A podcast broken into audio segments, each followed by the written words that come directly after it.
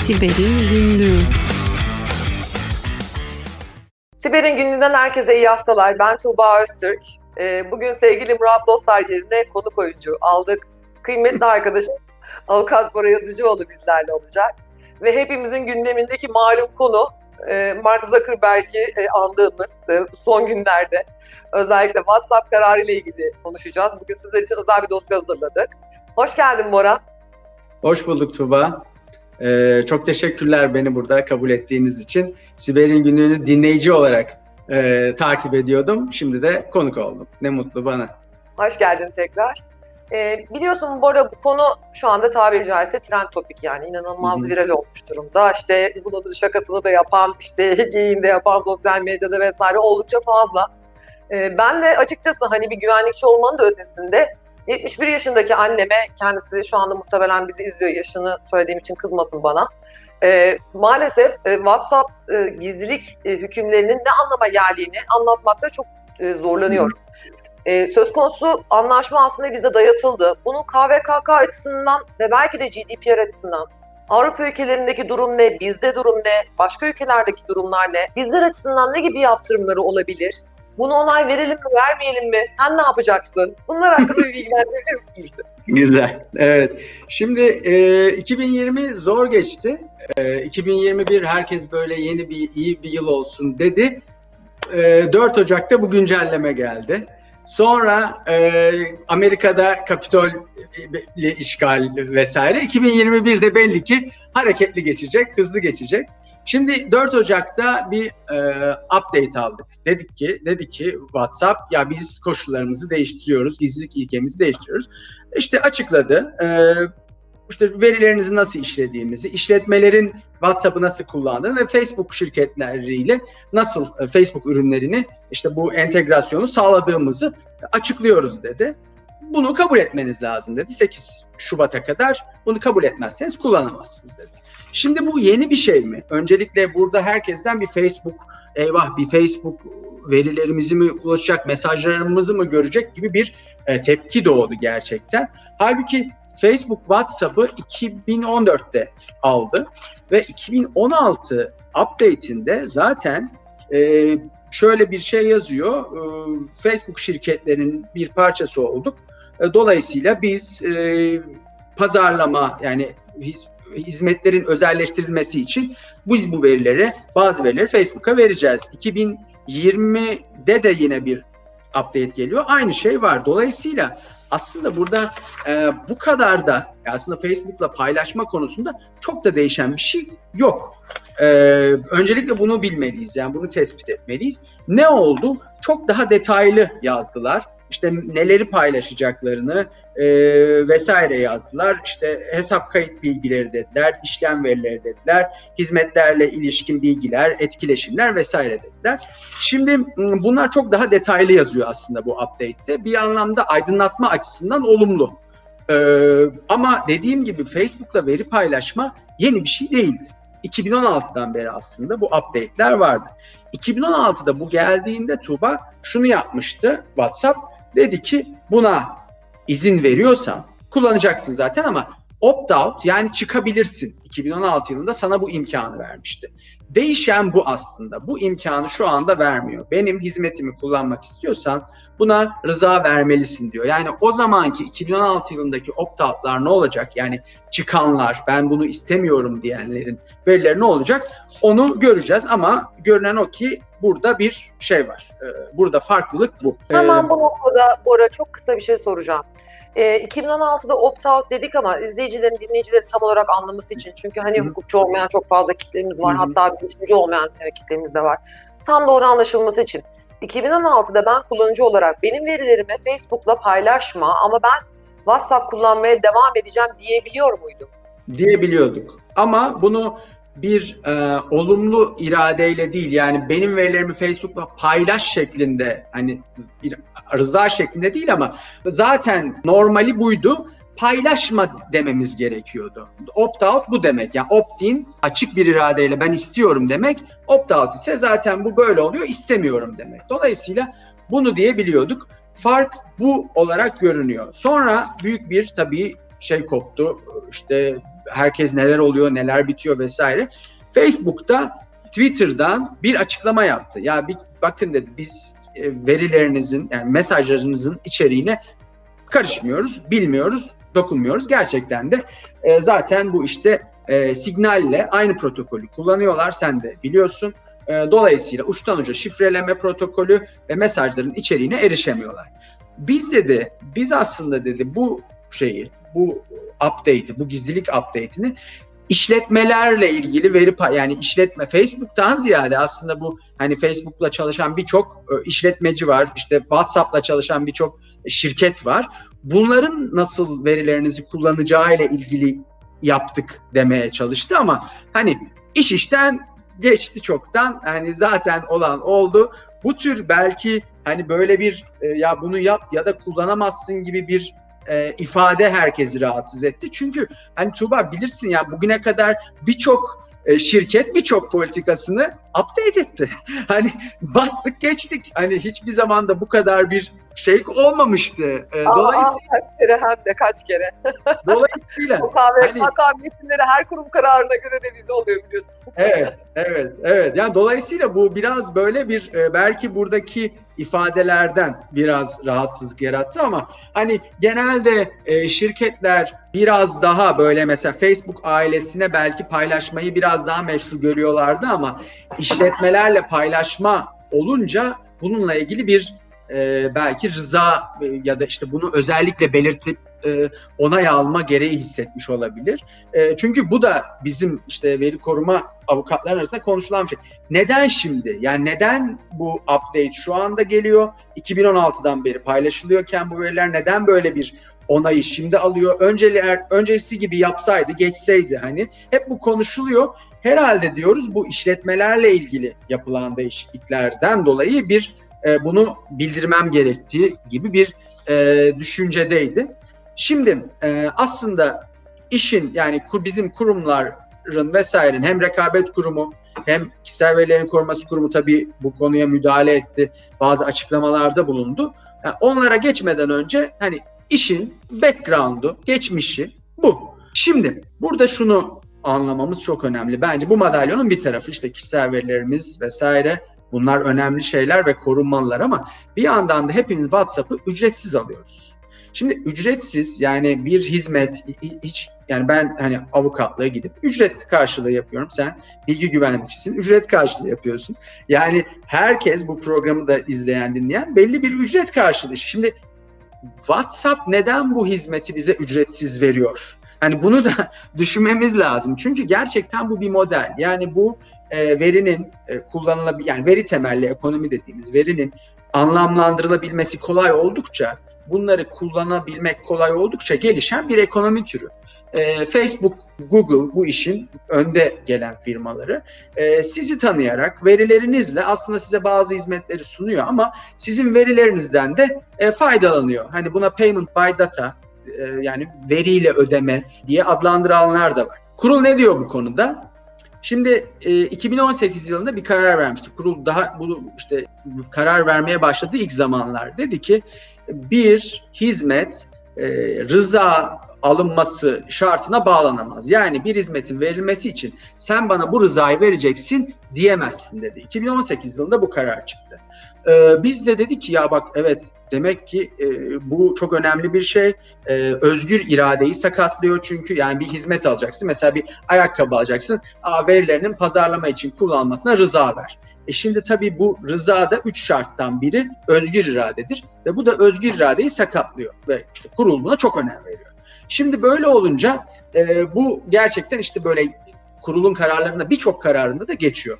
Fakat sadakat kartlarla ilgili iki karar verdi. Biri e, büyük bir alışveriş e, şirketiyle ilgiliydi. Bir tanesi de e, bir işte indirimli ürünler, indirimli hizmetler sunan bir fırsat sitesiydi.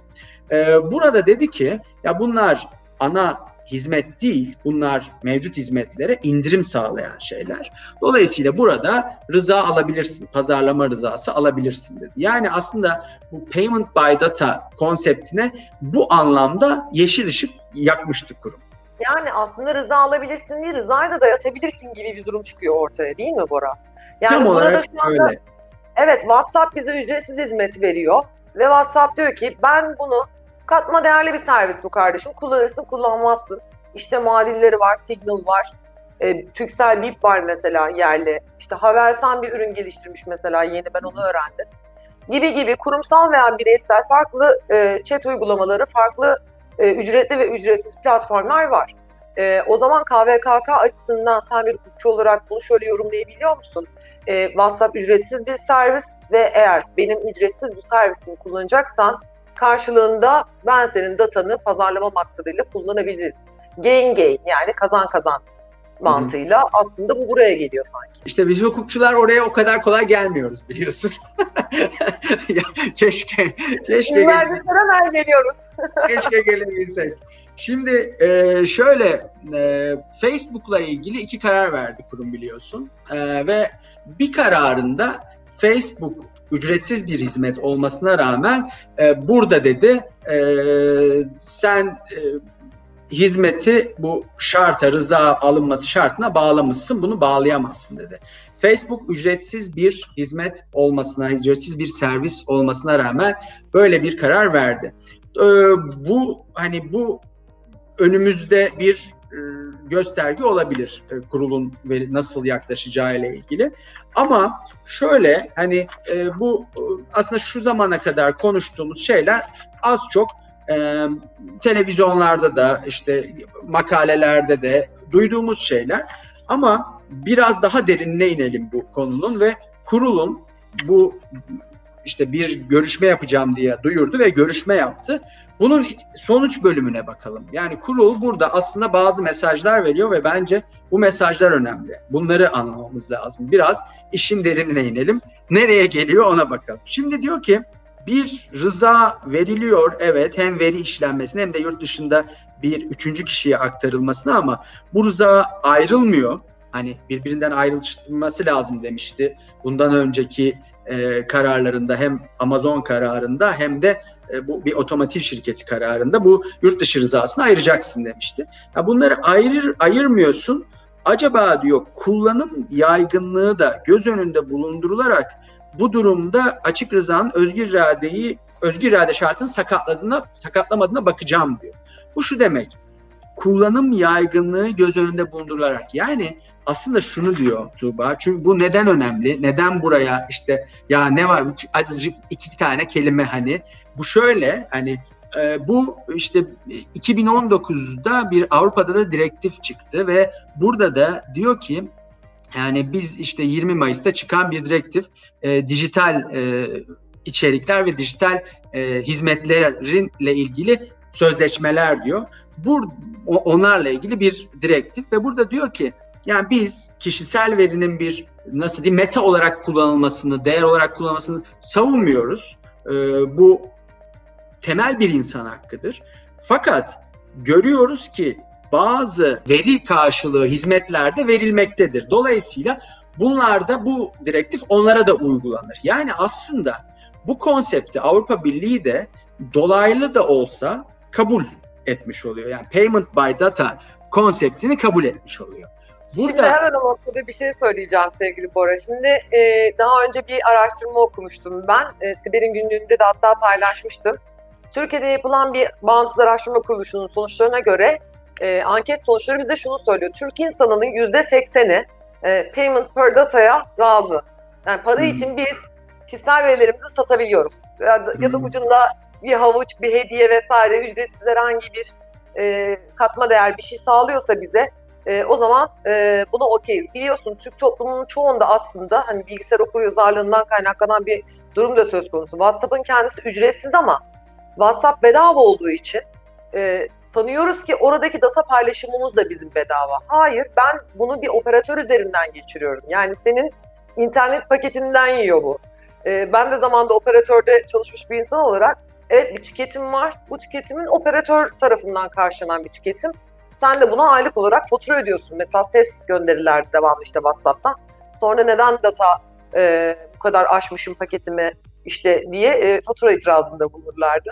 E, dolayısıyla aslında hiçbir şey ücretsiz değil. Burada da verinize eğer evet WhatsApp'ın kendisinde para ödemiyoruz ama verinizi eğer e, WhatsApp'ta tutmayacaksanız ya da başka bir uygulamada günün sonunda belki bütün uygulamalar payment per data mantığına gelebilir. Sonuçta WhatsApp bugüne kadar hepimize amme hizmeti vermiş oldu aslında değil mi? Ya biraz öyle. Şöyle bu genelde e, biz hep bu konuları e, u, u, yabancı hukukçularla tartışırken Amerikalıların görüşü bu yöndeydi. Ya bu bir tekel değilse, yani bu iş bir tekele ait değilse e, adam para almayıp bunu veri karşılığı yapabilir. Amerikalılar genelde hep Amerikalı avukatlar, hukukçular böyle düşünürdü. Avrupalılar işte biraz daha bu konuda katı. Hani biz de Avrupa'yı takip eden bir e, hukuk sistemiyiz aslında. Fakat hani Avrupa'da da bu e, şeyi e, görünce hani 2019'da çıkan bu direktifte bunu görünce hani acaba buraya doğru bir evrilme var mı deniyor. Çünkü yani Facebook vesaire hepsi aslında bu temelde çalışıyor ve Avrupa'da da çalışıyorlar. Fakat işte ya tamam bu böyle adam istediği rızayı alır mı? E işte onu düşünmek lazım. Burada da zaten kurul ona da değinmiş. Diyor ki e, şimdi tamam buraya aktarım yapıyorsunuz ama kanun dördüncü maddesinde temel ilkeler var. Hukuka ve dürüstlük kurallarına uygun, belirli açık meşru. Şimdi hani bir yere kadar ya orada bir denge lazım. Yani e, mesela e, evet işte pazarlama amacıyla işleniyor ama mesela pazarlama amacıyla benim e, diyelim ki hani Amerika'da da avukat reklamları serbest ya e, eşimle kavga ettiğimi duydu e, ve hemen bir boşanma avukatı yani artık buraya burada hani burada acaba bu meşruiyet meşruiyet nerede başlıyor, nerede bitiyor? Dolayısıyla kurul diyor ki ben bunu da değerlendireceğim. Yani öncelikle kullanım yaygınlığı demesi bence kurumun ya ben bakın bu konseptin farkındayım. Payment by data diye bir şey var. Ama kullanım yaygınlığı varsa bu tekel gibi de değerlendirilebilir. O zaman ben onu da değerlendiririm. Acaba özgür iradeyi sakatlıyor mu? Yani birçok kişi mesela şu an şu kararı verebilir. Ya e, birçok arkadaşım WhatsApp'ta. Şimdi ben buna vermeyeyim özgürlüğümü, e, şey verilerimi, temel hakkımı koruyayım ama insanlardan uzak kalırım. O zaman işte özgür irade tekel midir, bu değil midir? Bir de e, bak diyor ben dördüncü maddeye de bakacağım acaba bu meşruiyet sınırlarını geçmiş mi geçmemiş mi bu veri paylaşımı? Sonra işte bu ıı, hizmetin rıza şartına bağlanması oluyor mu olmuyor mu? Bu aslında o birinci konuyla ilgili özgür irade ve rıza şartı birbiriyle bağlantılı birlikte yazılabilirdi bence bunlar. Sonra enteresan bir şey var. Bu belirsizdi. Bu e, yabancılar için özellikle e, değişik bir e, çıkarım oldu aslında. Diyor ki WhatsApp Inc. tarafından yurt dışına yerleşik veri sorumlusuna yapılacak aktarım konusunda kanun 9. maddesi yani yurt dışına aktarım maddesinin uygun olup olmadığına da bakacağım diyor. Bu Hepimizin şu de, başımızın belası olan meşhur madde. Ya şöyle şöyle aslında bu yabancılarla ilgili farklı bir durum var. Mesela e, şu zamana kadar ki hani kurumun da bu konuda farklı bir görüş olduğunu düşünmüyorum. Mesela e, yurt dışında kurulu bir şirket, Facebook, WhatsApp neyse buradan veri toplarken aslında yurt dışına veri aktarmış olmuyor. Çünkü adam burada değil ki buradan topluyor işte kendisi. Şimdi fakat bunu topladıktan sonra aktardığı zaman diyor ki ben onu yurt dışı aktarımı sayarım diyor. Yani tamam ilk toplamayı bakın burada da yazmamış ilk toplamayı. Hani ama ikinci aktarımını acaba bu yurt dışı aktarımı mıdır? Ben bu, yani yurt dışı aktarımıdır geliyor aslında. Ben buna da bakacağım diyor. E, gerçekten hepimiz e, kurulun bu konudaki vereceği kararı bekliyoruz. Yani şu e, anlattıklarımız bu kadar detayıyla e, açıkçası konuşulmamıştı daha e, benim dinlediğim şeylerde de okuduğum makalelerde. Dolayısıyla e, aslında bu hani işin içine girdikçe e, kurumun nasıl yaklaşacağını görüyoruz. Merakla da bekliyoruz aslında Tuğba. Evet, bir güvenlik ihlali olduğu zaman biz de kurulun sayfasında okuduğumuzda oradaki satır aralarından güvenlikçi olarak aslında olayın nasıl olmuş e, olabileceğiyle alakalı fikir sahibi olabiliyoruz. Bu da siz hukukçular için aslında kurul buna nasıl yaklaşacak? Üç aşağı beş yukarı aslında bir renk veriyor değil mi sizin için de? Tabii şöyle ve bence bir, bir konu daha var Tuba bu konu yani bu da önemli bir konu yine yabancı veri sorunları için. Şu zamana kadar kurul soruşturmalarını ya öyle ya da böyle Facebook'ta dediğim gibi bir işte e, hizmet e, işte açık rıza şartına bağlanmış mı diye baktı ama onda da hep veri ihlalinden başlatmıştı. Şu zamana kadar yabancılarla ilgili verdiği yanlış hatırlamıyorsam bütün kararlar veri ihlali. Bir veri ihlali oluyor ve kurum araştırmaya bak, kurul araştırmaya başlıyor şeklinde ilerliyordu. İlk defa ilk defa kurul bir veri ihlali olmadan tamamen bir sözleşme e, ve işte gizlilik politikası onaylama e, mesajının üzerine ben bu soruşturmayı başlatıyorum dedi. Bu da gerçekten çok farklı. Yani bu e, konuda bu da bir ilk aslında. Bunu da bekleyip göreceğiz. Ama bunu beklerdik zaten kuruldan. Hani çok trend topik olan bir konu doğrudan kişisel verilerle de Tabii. alakalı kafalarda deli sorular var.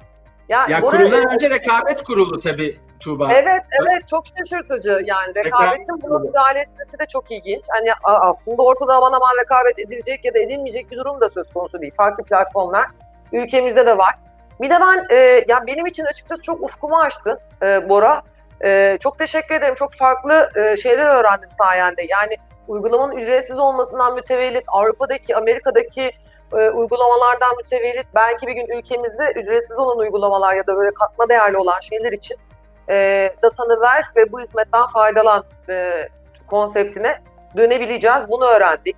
E, Ya şöyle Tuğba, o konuda bir şey yapalım. Ee, bir hani o, o kadar yine hemen çok gitmiyoruz. Sonuçta bunu Avrupa Birliği'ne sunmamış. Yani bir kere onu da bilelim. Avrupa Birliği'nde e, bunu bu update'i sunmamış. Yani bütün dünyaya bunu zorluyor, diretiyor. adaletsizlik değil mi Bora? Şimdi şöyle Avrupa Birliği ile bizim kanunumuz çok da farklı değil aslında. Ee, çok benzer hükümler. Ee, orada yüksek cezalardan dolayı bence bu riske girmedi çok. Yani benim Burada, benim burada ne olacak? Facebook hadisesini de biliyorsun zaten. 1 milyon 600 bin TL e, tutarında Evet, yani- bir e, ceza uygulamışlardı. Orada Evet, 200-300 bin evet. franklardan, 200-300 milyon franklardan bahsediliyor. E, Cambridge Analytica skandalı vardı biliyorsun bundan önce. Yani Facebook'un kendi işte veri paylaşım politikasıyla alakalı olarak bizim verilerimize, kişisel kişisel verilerimize, tüketim alışkanlıklarımıza, davranış e, mailimize, e, doğamıza, tabiatımıza, fıtratımıza bakarak e, kararsız seçmenlerin belirlenmesi ve bu kararsız seçmenleri e, özellikle işte Trump e, lehine oy vermelerinin sağlanması gibi bir durum söz konusuydu. Çok Hı hı. büyük bir skandaldı biliyorsun. Hı hı. Defa kez farklı farklı yerlerde işte ifadelerini gördük, izledik Mark Zuckerberg'in. E, bu açıdan baktığımızda e, WhatsApp'ın bu paylaşacağı veriler açısından bizi böyle bir yere getirebilir mi sence Bora? O konudaki görüşün ne? Şöyle ya aslında bu e, şirketler kar etmek için çalışan şirketler. E, bu şirketler yani işte teknoloji şirketleri de herhangi bir şirketten farklı değildir. Yani bu arada şirketin e, tanımıdır yani kar etme amacıyla çalışması. Dolayısıyla e, bunun hani kar etme amacıyla pazarlama yapmalarını bence çok yatsımamak lazım. Fakat e, iş e, politik manipülasyona girince, seçimleri, ülkelerin kaderini etkilemeye başlayınca orada işte bir herkesi rahatsız eden, meşruiyeti artık pa- pazarlamayı da aşan, meşru olmadığını hissettiğimiz e, bir işleme, veri işleme faaliyeti oluyor.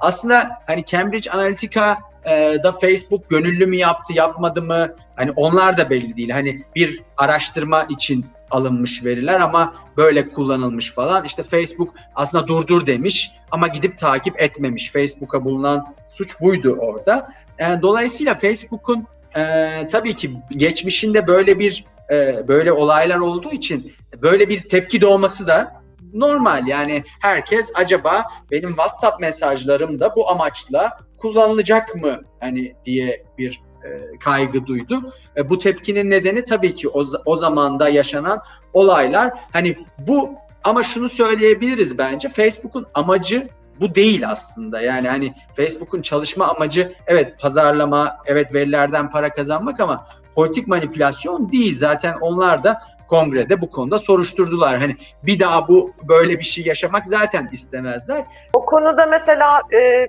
arkadaşlarımızdan çok fazla soru geliyor. Bizi izleyenlerden de. E, bu hafta hazır bu konuyu konuşmuşken şunu da değinmekte fayda var. Şimdi peki WhatsApp'ı bıraktık, göç yaptık. Nereye göçeceğiz? E, şimdi alternatif uygulamalardan bahsediyoruz. E, bu konuşma içinde de geçti. Signal var biliyorsun. E, Türksel bir platformu var. Yani bireysel amaçlar için olanları söylüyorum. Telegram var.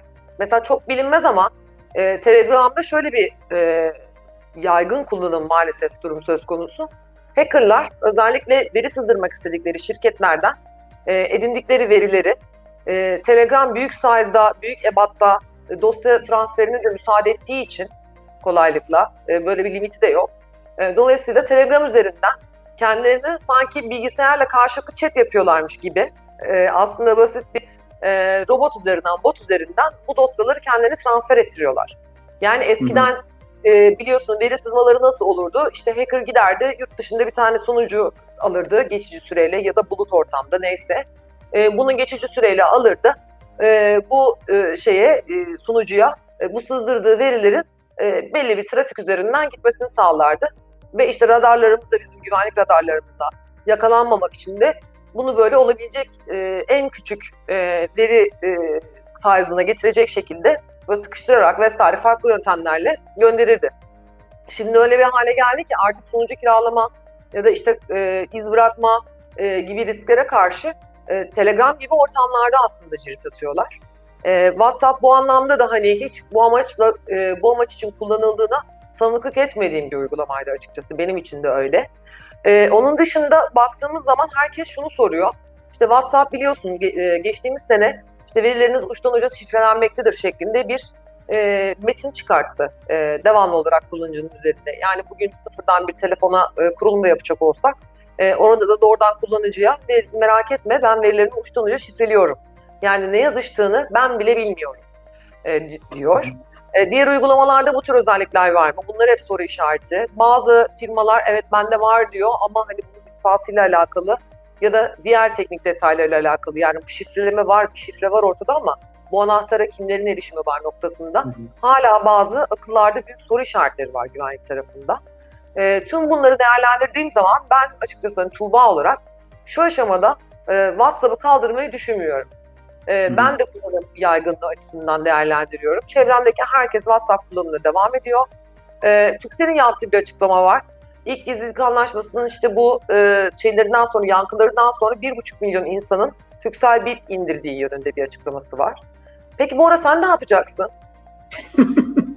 evet. Valla ben WhatsApp bunu silmedim. Ee, yani bir e, çok majör bir şey olmadıkça da silmeyi düşünmüyorum. Yani e, ama ben 5 e, yıldır falan bir signal kullanıcısıyım da aynı zamanda. E, evet bizim böyle daha e, bu konulara daha takıntılı olan, çok daha takıntılı olan arkadaşlarımız var ve e, biz onlarla mesela Signal'den konuşuyoruz. WhatsApp olmayanlar da var aralarında. Signal e, ile WhatsApp ya da işte Telegram işte vesaire BIP bunların farkı açısından bence Signal'in en önemli farkı şirket tarafından işletilmemesi. Signal Foundation yani bir vakıf tarafından işletilmesi. Dolayısıyla vakıf tarafından işletilen bir e, programda kar etme amacı olmuyor. Yani Wikipedia gibi bağışlarla yürüyor bu Signal e, sistemi. Ya biz de birçok o ilk başta 5 yıl düşünsene Tuba ya gidiyoruz göndermiyor işte bilmem ne konfirmasyon yapıyor. Hay ya bu signalle bu iş olmayacak diye aramızda konuşuyoruz. Yani biz böyle çok şey ettik biz o signalin zamanında. Ee, şimdi e, hani daha da de, de, popüler oldukça herhalde bağışlar da gelir artar. Yani e, bence hani Telegram da bir Rus şirketi ama yine söylüyorum şirketi. Hani bir, bir Türk şirketi ama yine vurguluyorum bir şirket. Bunların içinden şirkete ait olmayan e, signal var. Dolayısıyla hani bu, eğer böyle bir değerlendirme yapmak istiyorsa insanlar e, ki bu, bu, bu değerlendirmeyi artık günümüzde her zaman yapacağız. Nedir bu değerlendirme? Teknolojinin verdiği rahatlık ve konfor mu yoksa mahremiyet mi? Bu bizim zaten çağımızın şeyi, seçimlik hakları tabiri caizse. Evet tespitlerin çok doğru Bora. Yani open source dediğimiz işte bir şirkete ait olmayan işte açık kaynak kodu yazılmış vesaire tamamen bağışlarla yürüyen bir uygulama kullanıyoruz ama bunların arayüzleri filan mesela hani maaşı ödenmiş yazılım geliştirmeciler tarafından belki de yazılmadığı için o kadar bizi tatmin etmiyor. E, ama öte yandan e, böyle uygulamalar da var. Arkasında bir şirket var. Evet ücretli veya ücretsiz ama e, kullanım sıklığı da ne kadar artarsa bir o kadar da işte güvenlik araştırmacıları, işte hackerlar e, vesairenin de aslında hedefi haline geliyor. E, bir de şöyle tartışmalar var sevgili Bora. Özellikle onu sana sormak istiyorum. Şimdi bunu da izleyicilerim çok merak ediyorlar çünkü. Türkiye'de yerleşik veya arkasında bir şirket bulunan ama yurt dışında olan bir mesajlaşma uygulamasının içeriğinin hükümet kararıyla, işte yargı yoluyla, bir savcılık kararıyla e, edinilmesi mümkün mü? Özellikle bizim ülkemiz için merak ediyorum. Yani ben bugün bir işte siyasi görüşümü belli ettim ya da bir suç işledim ve bunu WhatsApp üzerinden biriyle paylaştım. Buradaki yazışmayı e, bir şekilde savcılık kararıyla şunla bununla e, elde edebiliyorlar mı? Evet, e, ya bu teknik olarak mümkün değil. Yani WhatsApp bunu zaten kendi de göremiyor. O yüzden veremiyor. E, dolayısıyla bu uçtan uca şifreleme olduğu sürece hani e, bunun zaten mümkünatı yok. Kaldı ki yani WhatsApp yurt dışında olduğu için zaten işte oradan talep edilecek vesaire hani orada bir e, yani o pratik e, konusunu geçtim. Yani o şey işte yurt dışından talep edilip istenmesi vesaire ne kadar kolay. Hadi burada diyelim bir temsilcisi var ya da bir avukatı var öyle isteniyor falan. Yani onlar e, çok mümkün şeyler değil. E, kaldı ki hani WhatsApp'ın da hadi diyelim bütün her şey yani bütün hukuk sistemi uygun çalıştı ve gerçekten WhatsApp'a bu tebligat gitti ve bunu ver dedi. WhatsApp bunu kendi de göremediği için e, onu verebilmesi e, pek mümkün olmayacak. Yani ben bunu kendim de göremiyorum diyecektir. E, işte tabii sen hani bir e, bilgi güvenlikçi olarak bu şifrelerin her şey kırılabileceğini elbette söylüyorsun. İşte bu herkesin konuştuğu kuantum işte bilgisayarların hızlı çalışan bilgisayarların bunları kırabileceği e, düşünülüyor ama herhalde şu anda daha feasible değil öyle anlıyorum. Peki sevgili Bora, e, şunu soracağım.